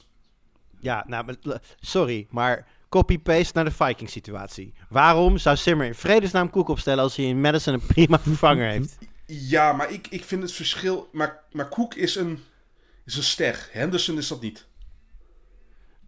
Nee, oké. Maar goed, ik denk, ik denk dat, dat, ik denk dat als zo'n jongen fit is, dat, dat je hem gewoon gaat gebruiken. En dan eventueel met, in een split workload met Michel. Ik denk dat dat wel kan. Don, hoe zie jij die situatie? Ja, het hangt volgens mij ook af wat, eh, wat McVay weer in zijn hoofd heeft gehaald. Eh, ik heb ook wel altijd de indruk dat hij eh, best wel veel wil roleren met zijn backs, ook per wedstrijd. Dus misschien heeft hij bepaalde gaten in de, in de defense van de Cardinals gezien... waar hij denkt dat of Henderson of Michel goed tot, tot zijn recht zou, zou kunnen komen. En dat kan ik even niet goed inschatten waar dan precies die, die gaten liggen bij, bij de Cardinals. Maar ik kan me goed voorstellen dat, eh, dat McVay daar eh, ja, wel echt een plannetje voor heeft. En daarom vind ik het moeilijk altijd bij de Rams om een running back te kiezen. Omdat ja, McVay toch wel eh, verrassend uit, uit, uit de hoek kan komen met zijn keuzes voor, eh, voor workload voor, voor zijn backs. Nou, we gaan het zien eh, aankomend weekend. Eh nou ja, vooral in de gaten als Henderson of eh, Michel, maar vooral Henderson. Als die inactive is, dan is Michel natuurlijk een hele makkelijke start. Ja, want En, Michel eh, is wel ik heb- gewoon fit. En ik kies dan gewoon voor de fitte speler. Ja, dat deed ik afgelopen nacht ook. En we weten allemaal hoe dat afgelopen is. Gaan wij door naar de rest van, eh, van de wedstrijden voordat jullie weer grapjes gaan maken over mij. En dat doen we even in een iets hoger tempo. Eh, even voor de luisteraars, mocht je denken van... Goh, ik ben al een tijdje aan het luisteren naar jullie, maar de podcast is nog lang niet afgelopen. Dat kan kloppen, want we gaan het hierna ook nog hebben met Ton over zijn eh, rookie learnings. Daarna hebben we nog enkele vragen van luisteraars. Maar we beginnen nog eventjes bij de rest van de wedstrijden. En jongens, Bears at Packers. Ja, dat is voor mij toch wel vooral de I still own you revenge game, Ton. Ja, zeker. Ja, ik denk dat, eh, dat de Bears toch hopen dat ze eh, in het stadion van de Packers eh, ook een, een, een dergelijke truc kunnen gaan uit, uithalen. Maar ik, ik vrees het ergste voor ze. Ik zie de Bears eigenlijk geen, geen schijn van kans maken op bezoek bij, bij, bij Green Bay. Ik, ik zag nog dat, dat David Montgomery ook nog een twijfelgeval is voor, voor deze wedstrijd. Ehm, Wel Justin Fields waarschijnlijk weer zou weer kunnen Ja. spelen, dacht ik. Klopt. Dus dat is natuurlijk altijd leuk. Maar goed, de, de Ja, Packers zijn gewoon nieuws veel voor alle pascasters, dat wel. True, true. Ja, Eh, over, over Montgomery trouwens, eh, Ton. eh, woensdag niet, niet meegetraind. limited donderdag. Ik heb zijn, status van vrijdag nog niet gezien. Ehm, lijkt erop dat hij toch wel actief zal zijn. En dan, nou ja, de Bears kennen, dan geeft ze hem ook wel gewoon zijn eigen workload. Dus Ja. dan, is het ineens, dan is Khalil Herbert niet interessant. Eigenlijk alleen als Montgomery echt oud is, eh, kun je Herbert eh, één op één eh, als zijn vervanger doorschuiven. ja en Anders dit, zou ik het niet dit doen. is trouwens ook wel de tijd van het jaar. Ben je een Montgomery eh, manager? Pak, pak Khalil Herbert, want nou moet je je eigen handcuffs hebben. Op het begin van het jaar ben ik daar nog geen fan van. Maar nu je zo dicht bij de playoffs bent, pak Ja. al je handcuffs die je kan hebben. Want, Ja, want de- helemaal, de- helemaal mee eens. Je moet naar de upside kijken. Eh, wat is de kans dat jij een Amon Ra St. Brown bijvoorbeeld op gaat stellen ten opzichte van een andere receiver? Maar als Montgomery wegvalt, heb je tenminste Herbert. Dus ga je er Ja. maar een klein beetje Ja. op achteruit. Goed, in de gaten houden of Montgomery speelt of niet. Eh, Bills gaan op bezoek, de Buffalo Bills, bij de Tampa Bay Buccaneers. Bills natuurlijk, die nou ja, toch voor de Bills wel frustrerende wedstrijd tegen de Patriots gespeeld natuurlijk. Eh, flink, eh, nou, ik zal niet zeggen in de pan gehakt, maar nou, het was vooral frustrerend. Een paar keer in de red zone gekomen. Eh, we hebben het er al kort even over gehad, jongens. Ik denk dat Arians toch een klein beetje datzelfde playbookje gaat eh, proberen te, te hanteren. Hoe zien jullie dat? Ik denk het ook. Nee, ik, ik verwacht het niet. Het, het blijft toch Tom Brady met zijn pass catches. En eh Fournette krijgt... eh Fournette is een running back 1. Maar dat komt ook voornamelijk omdat hij eigenlijk de, de rol van Gio Bernard heeft overgenomen vanaf het begin al. En niemand Ja. had verwacht dat Fournette de pass-catching back zou worden. En mede daarom krijgt hij ook gewoon zoveel fantasy-punten binnen. Natuurlijk, ze rennen best wel, best wel veel. Maar hij heeft eigenlijk van zijn laatste vijf wedstrijden... heeft hij maar één keer 100 yards of meer van alleen puur de run gehad. Bijna al zijn grote puntenaantallen kwamen puur door zijn volume in de pass-catching game. Dus ik verwacht eigenlijk gewoon dat, dat Tom Brady gewoon weer echt gewoon heel veel passes gaat gooien. En natuurlijk, de Buffalo Bills zijn wat zwakker tegen de run. De laatste tijd. Hiervoor waren ze trouwens heel goed. Maar vergeet ook niet, ze, ze hebben natuurlijk ook... eh Tredavious White is natuurlijk ook geblesseerd geraakt. Dus eh, ja, hun beste cornerback is er ook niet. Dus ik denk dat ze best wel kwetsbaar zijn. En ten opzichte van een goede offense van de Bills normaliter... denk ik dat dit best wel een hoge score game gaat worden. En dus eh, voornamelijk Brady en Josh Allen daar eh, de, de sterren zullen zijn. Ik twijfel hoor. Op bezoek bij- Je wilt toch Ja, iets, sorry, iets, Ton, ik ga, even door, ik ga even door, omwille van de tijd. Oké, oké, oké. Falcons op bezoek bij jouw Panthers. En eh, volgens mij staat daar eh, wel, wel het een en ander op het spel, eh, Tom. Ja, de, de, de verliezer in deze wedstrijd is gewoon definitief out of the playoff picture. Beide hebben hetzelfde, dezelfde score, 5 voor 7 tegen. Ehm, ik, in de- dit duel vertrouw ik de, de Falcons toch meer dan de Panthers. Er is veel gebeurd de afgelopen weken. Ik, ik heb natuurlijk al genoemd dat die offensive line verschrikkelijk slecht is. Dus eigenlijk vertrouw ik niemand momenteel, zeker qua fantasy, bij de, bij de Panthers offense. Eh, ik denk dat er voor de Falcons running game veel te halen valt. Dat is ook waar de Panthers eh, kwetsbaar zijn in hun verdediging. Dus Patterson, eh, ik denk dat hij weer een hoop kansen krijgt. Ik was voor jullie wel benieuwd wie, wie, wie daarachter nou de snaps gaat krijgen. Is dat, is dat Mike Davis of is dat Ollison?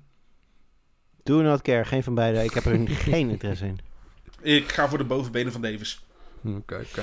Zoals altijd, Lions gaan we mee verder. De 1-win Lions, jawel, laten we het niet vergeten, gaan op bezoek bij de Broncos. En het verhaal daar, vooral natuurlijk bij de Broncos, is dat afgelopen week Javonte Williams een RB1 kon zijn. Omdat Melvin, In- eh, Melvin Ingram, wil ik zeggen, ja Melvin Gordon de wedstrijd eh, miste. Eh, die traint weer, lijkt toch wel terug te gaan keren. En dan is natuurlijk de vraag, wat wordt zijn workload? Jimmy, hoe zie jij dat daar verder gaan? Want ja, je hebt natuurlijk scenario 1. Eh, de Broncos hebben gezien wat ze in Williams hebben en gaan Williams vanaf hier gewoon meer carries geven dan Gordon.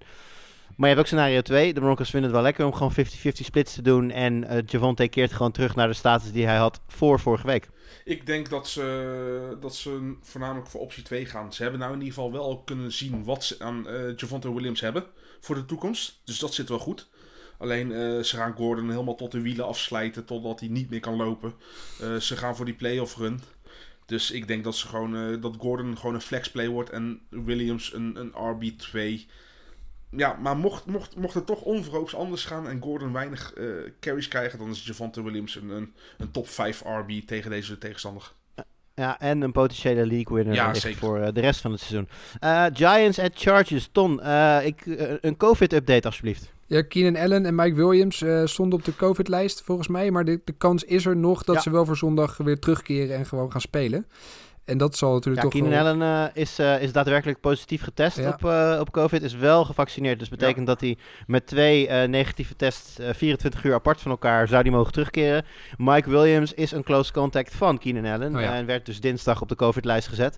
Eh, Is niet maar, eh, gevaccineerd. ja, is niet, ja, maar goed, dus dat betekent als hij, als hij positief test, dan is hij ook meteen bokkie voor 10 dagen. Maar zolang hij niet positief test, volgens mij moet hij een periode van 5 dagen niet positief testen. En dan zou hij mogen spelen. Dus een eh, gereden kans voor in ieder geval Mike Williams, zolang hij zelf niet besmet is. En Keenan Allen, nou, wat ik zeg, als hij snel, eh, snel herstelt. Gevoelsmatig denk ik dat eh, Mike Williams de beste kans heeft om op tijd terug te keren. En nou, bij afwezigheid van één van deze, of, of beide jongens, dan is Jalen eh Guyton, Guyton, hoe spreek je het uit? Guyton? Guyton volgens mij. Guyton, Guyton. Jalen Guyton, wide receiver, is dan een interessante naam om eventueel op te schrijven. Gaan we verder met de Las Vegas Raiders, die op bezoek gaan bij de gedoodverfde AFC-favoriet, de Chiefs. Uh, ja, Ton, Raiders uh, vechten voor een laatste kans. Uh, toch ook vorig jaar natuurlijk al gezien, toen nog uh, onder, onder andere coaching. en een mooie win gepakt tegen de Chiefs. Zie jij dat opnieuw gebeuren? Nou ja, ze gaan, ze gaan er wel voor strijden, denk ik. Ze gaan heel hard hun best doen, maar nee, het korte antwoord is nee. Ik denk dat de Chiefs langzamerhand er ook wel over een soort van uh, bump heen zijn. Uh, beginnen te winnen. Steeds meer manieren beginnen uh, te vinden om te winnen. En ik denk dat, dat deze wedstrijd wel eens de, de doodsteek zou kunnen gaan worden van de, de Raiders in hun playoff ambities. de andere teams in hun divisie doen het ook erg goed. Ik denk niet dat ze ja. bij kunnen blijven met, met dit niveau. Dus ik, ik, zou, ik geloof in de Chiefs in deze game. Uh, nou, Josh Jacobs, daar hebben we het al even over gehad. Die heeft geen concurrentie en daar verwachten in ieder geval Ton een hele goede wedstrijd van. Uh, de Jacksonville Jaguars op bezoek bij de Tennessee Titans. Uh, Hilliard tegenover Foreman. Jimmy Nick had het er net aan het begin over. Hilliard zal, zijn, zal zijn passing game werk waarschijnlijk weer aan McNichols moeten laten. En dan is Foreman zeer waarschijnlijk de leider op de grond. Dus dan is het nog maar de vraag wat je aan Hilliard gaat hebben. Maar Jimmy, net zo belangrijk. Julio Jones terug. zou dat misschien tot een bounce-back game van, van Tannehill kunnen leiden? Uh, ja, maar de vraag is maar uh, hoe, in hoeverre gaan de, de, uh, gaan de Titans tegen de Jacksonville Jaguars echt gooien. Je hebt best kans dat ze een goede, goede opening doen, een paar keer gooien en daarna ook gewoon Foreman helemaal al de druifs laten, laten lopen. Ja. ja, en de vraag is, als Julio Jones fit is, is het een goede receiver. Alleen, hij heeft zijn leeftijd heeft hij niet meer mee en hij is niet vaak meer fit. Dus in hoeverre kan je ja. hem vertrouwen? Dat is een heel goed punt. En daar gaan we achter komen. Hey, en Jim, als ik het toch over bounce-back games heb. Uh, de Seattle Seahawks gaan op bezoek bij de Houston Texans. Uh, ik heb bij deze uh, wedstrijd de notitie eeuw geschreven. Oftewel, qua fantasy is dit niet een hele, hele enticing wedstrijd. Maar de, de, de Texans, de Seahawks zullen niet de eerste, eerste, het eerste team zijn dat tegen de Texans een fijne middag beleeft. Uh, zie jij dit ook, uh, zie jij daar kansen voor Wilson en dan met name natuurlijk Lockett en DK Metcalf? Nee, dit, dit wordt echt, dit wordt echt zo'n wedstrijd waar je ondanks nog wat aansprekende namen het liefst zo min mogelijk spelers wil starten. Het probleem is natuurlijk, ja, Wilson uh, doet het al niet zo goed. Waarschijnlijk nog vanwege die, die, vingerblessure die hij had. DK Metcalf heeft al twee dagen achter elkaar ook niet getraind. Dus de vraag is een, ja, van hoe erg is hij eraan toe? gaat hij spelen en zo ja, als hij wel gaat spelen, in hoeverre kan hij goed spelen? Uh, eigenlijk is Tyler Lockett misschien nog de meest startable speler van, van heel deze matchup. En ja, met Lockett weet je het ook gewoon maar niet. Het uh, kan je winnen loterijticket zijn. Of het kan je je week kosten. Hij kan drie punten halen, hij kan 30 punten halen. Uh, maar op dit moment is hij, denk ik, degene die ik als enige wil starten van deze matchup. Wat uh, misschien ook nog even goed om te benoemen is, is dat Tyler Taylor aan de kant van de Texans uh, niet mee zal nee, doen. Mills. Dat wordt uh, Davis Mills. Dus, dus, dat betekent ook dat, dat als je Cooks hebt... Ja, precies. Dat is beter voor ja? Cooks. Beter? Oh, ik, ja. ik wou zeggen minder. Nee, nee, nee. Hij scoort onder Mills, scoort hij volgens mij in half of full PPR, scoort hij gemiddeld 3,5 punt beter onder Mills. Kijk, en daarom hebben we Jimmy, onze stats guy. En Jamal Adams uh, laatste... is uit, hè? Uit de rest van het seizoen ja. klaar bij de Seahawks. Ja. Dus biedt misschien nog wat kansen voor de ja. Texans uh, wide receivers. Ja, maar goed. Dat is toch een safety die als linebacker speelt, dus... True, ja. Goed, dan uh, de laatste wedstrijd, jongens. De New Orleans Saints op bezoek bij de New York Jets. Nou, we hebben het over Tyson Hill gehad. Uh, sorry, Taysom Hill gehad. Uh, Camara, full practice woensdag, lijkt er dus weer bij te zijn. En Ingram staat op de COVID-list. Ik weet even niet of dat door een positieve test of door een close contact is. Nee, posit maar, positief. Nou ja, Oké, okay, nou dan lijkt de kans dat hij erbij is enorm klein. En dan ja, wordt het vooral kijken wat jij in het begin al aangaf, Jimmy. In hoeverre uh, Kamara kan scoren met uh, Taysom Hill aan zijn zijde. Want dat was natuurlijk vorig seizoen in die, uh, in die stretch van vier games die Hill dan startte. Was het natuurlijk... Ja, waren zware weken voor Camara owners. Niet, dus niet, heb, heel, heb... niet helemaal waar. Want vorig jaar had hij volgens mij tegen de Eagles had hij wel een goede game met uh, Camara. Om zich, qua targets ook. Ik ben het helemaal met je eens. Hij kreeg heel weinig targets met Taysom Hill. Alleen zijn laatste wedstrijd tegen de Eagles in week 14 vorig jaar 10 targets, 7 receptions, 18,9 punten, half PPR. Ja, dus toen kwam het allemaal toch nog goed. Precies. Maar kan ook aan de slechte Eagles liggen hoor. Goed, dan uh, was dat hem voor het vooruitkijken naar de wedstrijden. En uh, gaan wij door met het volgende blokje. En uh, dan gaan we even inzoomen op jou, Ton. Nou. Want Jimmy en ik zijn natuurlijk geharde veteranen. We doen het al, al heel, heel aantal jaren. Spelen ook eigenlijk steeds tegen, tegen elkaar. Dat is voor mij niet zo heel leuk, maar oké. Okay. Jij begon dit seizoen als een rookie. En hebt daarbij in, in onze redactiechat af en toe ook nog wel om tips gevraagd. Dus, Zeker. Daar, eh, je hebt zeker je, daar je zeker je voordeel mee gedaan. Wat, eh, no- noem er eens een paar. We beginnen eens met, wat, wat was voor jou echt een eye-opener in je rookie season met fantasy voetbal? Ja, dus ik, ik, heb, eh, ik, ik speel op zich wel een paar jaar al fantasy, maar het is met name Dynasty, wat ik dit jaar voor het eerst echt mee gaan spelen. En ook ontzettend leuk vind. Dus als ik kijk Ja. naar de formats, vind ik dat wel echt meest interessante. En er zijn toch wel een aantal dingen die inderdaad eh, enorm zijn op- opgevallen, waar ik merk van ja, daar kun je het eh, verschil mee maken. Ik had als eerste opgeschreven, hoe Work the Wire. Eh, elke week moet je echt wel goed blijven kijken naar die eh, potentiële waiver eh, pick-ups. Daar zijn gewoon heel veel punten mee te halen. En ik denk dat, dat, dat ik dat in eerste instantie nog onderschat had.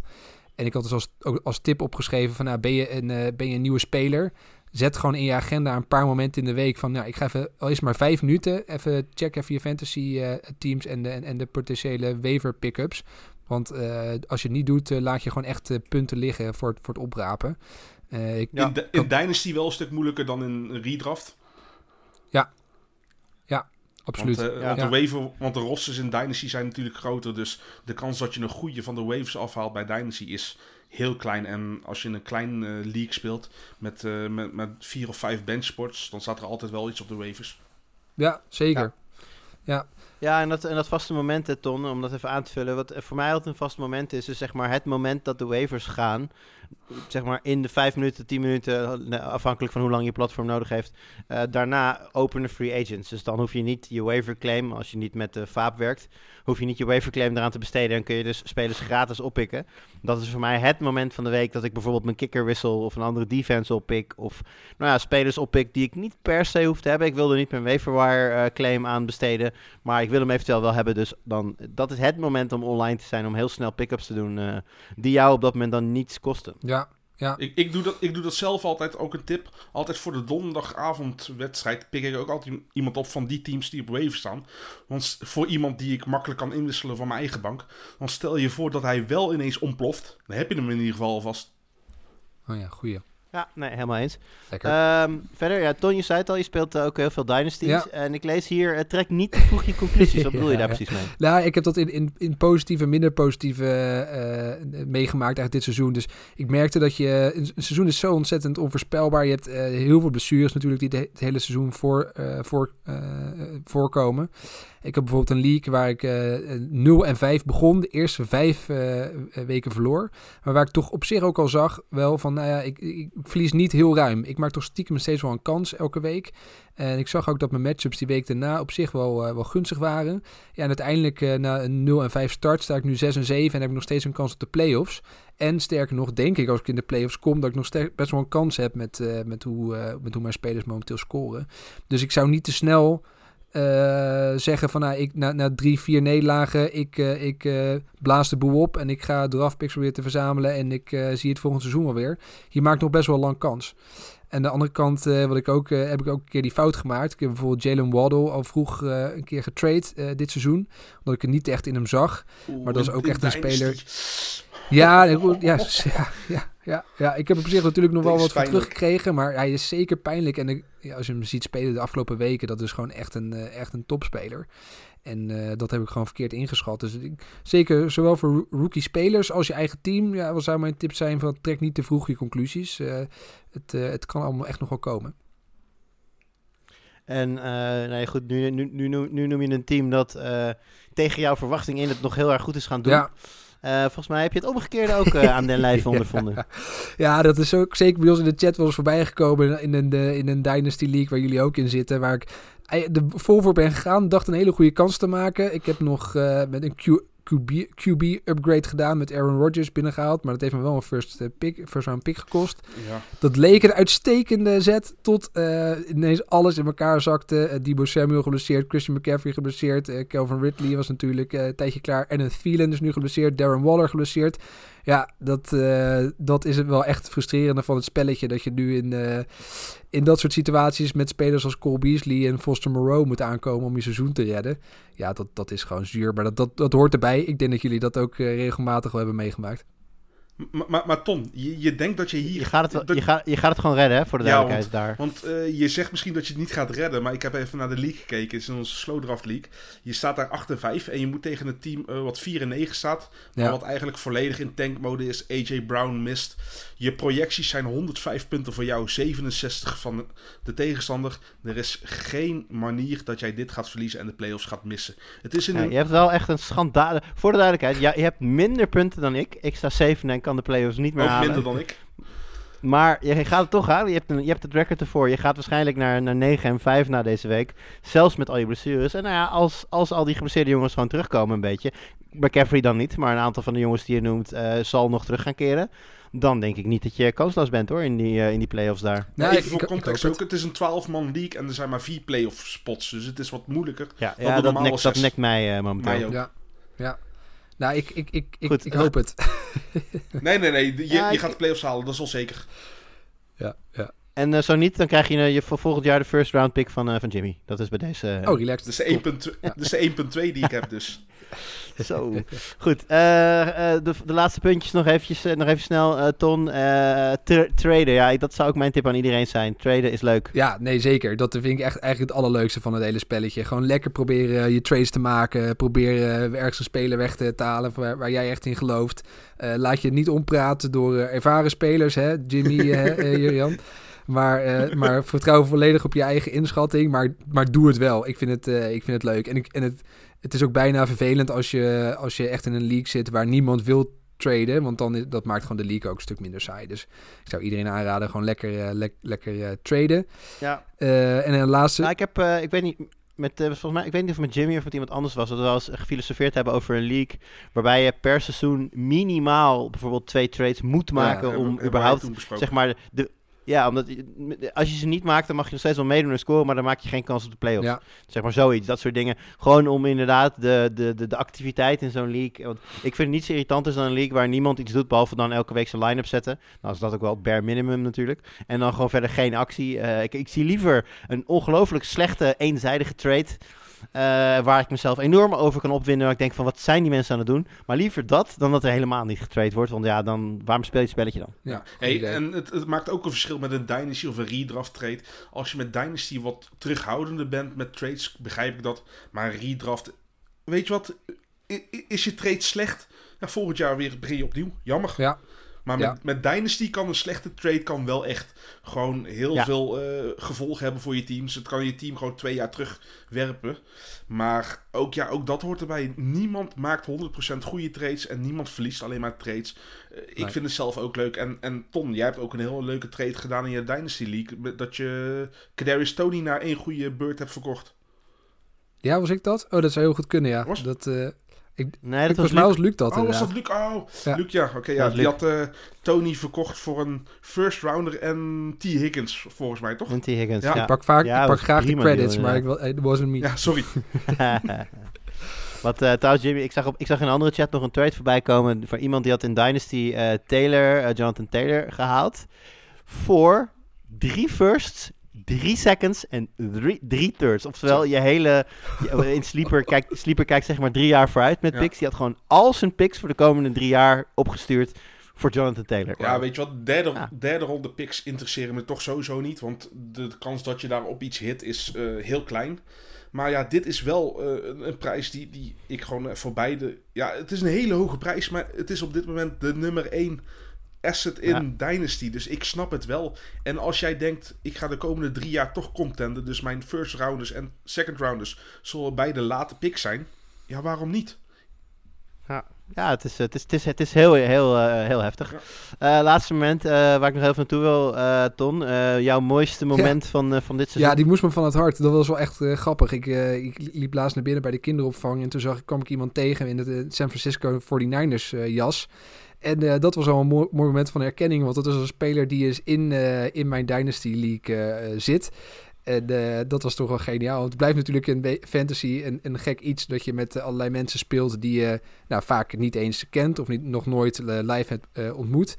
En eh, dit was een geniaal moment. We kwamen elkaar bij de, bij de kinderopvang Dat tegen. stom toevallig ontmoeting. Jullie Ja. wisten niet van elkaar dat jullie bij dezelfde Nee. kinderopvang zaten en jullie raken in gesprek. Ja. En blijken dan in dezelfde league Ja, te zitten. ja, Wat zijn ja. de kansen? Ja, geniaal. geniaal. Dat was echt, echt een schitterend Ja, dat is moment. wel mooi. Ja. Hey, jongen, nou ja, goed. eh, Ton, ik vind, eh, ik vind het leuk om, eh, om dit van je mee te krijgen. Ik denk dat hier ook wel voor, voor eventueel beginnende spelers nog wel wat, wat goede tips ook.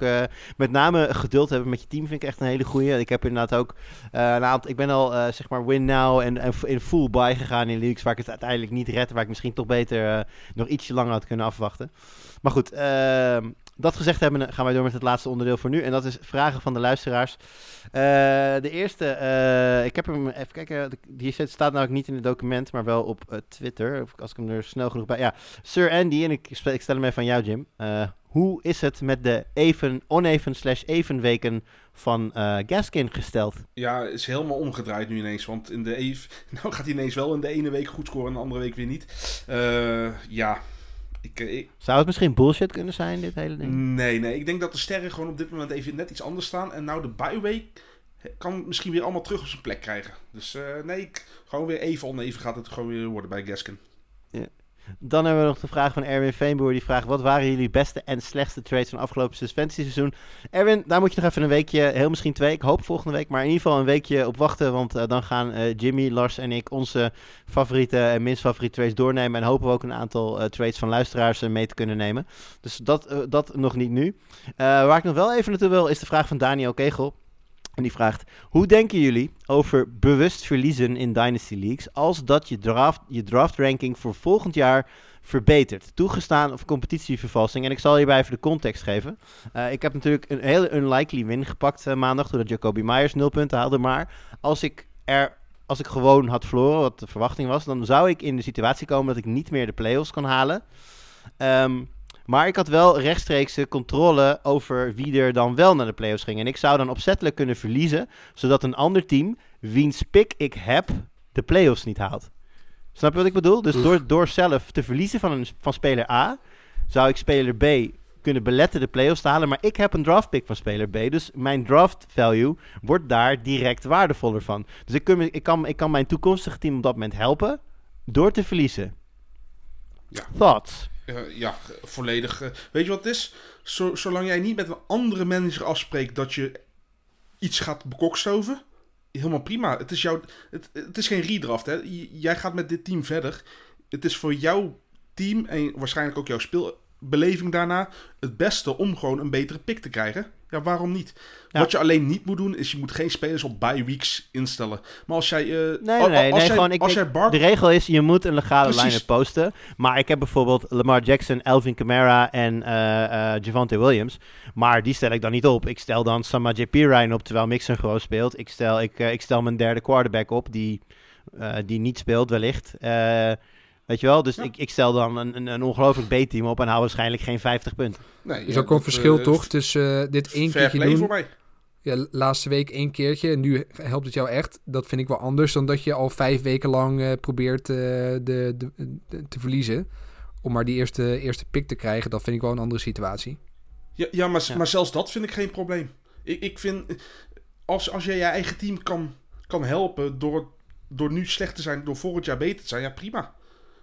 Ja, ja maar dat vind, dat vind ik een hele belangrijke daarin. En dat is ook, ik had zeg maar deze discussie met een aantal mensen al gehad. Nou, gelukkig ben ik dus niet in die situatie en kan ik mezelf gewoon de play-off in helpen door zelf te winnen. Dus dat maakt alles Ja, kijk, als je kan winnen, gewoon altijd doen natuurlijk. Ja, natuurlijk. Maar eh, nu, dat komt omdat ik dus heel unlikely door Myers alsnog die week Ja. gewonnen heb. Wat er, niet meer, wat er eigenlijk niet meer echt in zat op dat moment. Ehm, maar mijn punt in die discussie was ook dat zolang je, je de, de keuzes die je maakt doet, omdat daar een, eh, een motivatie vanuit je eigen team in zit, Precies. dan is, het, dan is het goed. Kijk, ik speel toevallig ook tegen iemand die een goede vriend van mij is. Als dat de enige motivatie voor mij zou zijn van, nou weet je, ik verlies wel van jou, want dan kun jij lekker de play-offs in en die andere jongen, die ken ik toch niet zo goed. Ja, maar, dus dan, maar eh, dat is collision, die want dan zeg je kijk, het al tegen hem, weet je wel. Dan weet hij er al van. Ja. Ja, nee, precies. Nou goed, ik, ik heb, voor de duidelijkheid, ik heb dit ook wel met hem besproken. Alleen puur vanuit van, joh, vind jij dit acceptabel? Hoe zou jij hierop reageren? En wij hadden allebei wel zoiets van, ja, ik kan me wel voorstellen dat zeker die andere speler, ja, toch wel een, een, een, een, een kleine... Een kleine fit zou gooien op dat moment. Ik, ik zou het heel erg relaxed vinden als ik op die manier de playoffs uitgenaaid zou worden. Ja, maar, Maar ja, ja, maar, ja, Maar inderdaad, het is van, vanuit, mijn vanuit mijn positie is, zou het de verdediger zijn geweest. ja, en had hij ook maar gewoon de andere wedstrijden moeten winnen, toch? Ja, ah, ik had nog wel een, eh, een eventuele fix op dat moment. Want eh, je zou- wij zouden dit opgelost kunnen hebben. Ehm, want de toeval wil dat ik zijn pick heb, maar hij heeft mijn pick. Dus op het moment dat... We zouden natuurlijk een gentleman agreement gesloten kunnen hebben van... Nou ja, we treden die seconds weer terug. En dan is er voor mij geen incentive meer om die, we- om die week te verliezen. Ja, maar, ja, de andere, maar dan krijg je toch wel een kant, dan doe je soort dus vorm van collusion. ja, want de, de trade deadline is natuurlijk al geweest. Precies. Nee, Ja, ik, dus ik, dat, ik, eh, maar- ik vind dat dit gewoon fair game is in een Dynasty League. Eh, jij, jij, jij wint er zelf iets mee door te verliezen. Dus het gaat Ja. jou aan dat je verliest, ja. En als jij gewoon nog binnen de grenzen een toegestaande line-up doet, ja, prima. Nou goed, wat ik, eh, gelukkig, wat ik net al een aantal keer te loop zei. eh, gelukkig zit ik niet in deze situatie. Ik, eh, ik heb dus wel gewonnen en mag nog hopen op, op playoffs. Maar daar moet ik voor winnen. Dus dat maakt het voor mij in ieder geval wel leuker. Want ja, het, het ga- ondanks dat je jezelf ermee helpt, gaat zo'n week expres verliezen toch wel heel erg tegen je natuur in of zo. Jawel, maar je moet wel ook gewoon... Kijk, ik, ik speel eigenlijk... Natuurlijk speel ik voor de lol, maar ik speel ook om, om te, echt om het helemaal te winnen. Ik bedoel, Ja. eh, dan, dan heb ik liever een, een betere draftpick voor het jaar, zodat ik dan een run kan maken. Dan dat ik mezelf nou Ja. een- Ja. een win geef in een week waar ik toch niks mee, mee kan. Helemaal mee eens. Goed, dan eh, komen we daarmee eindelijk aan het einde van deze toch wat langere show dan normaal. Bijna anderhalf uur zie ik. Zo. Allemaal Ton zijn schuld, want normaal gesproken Ja, zijn we sorry, jongens. Rond het, eh, rond het uur wel klaar.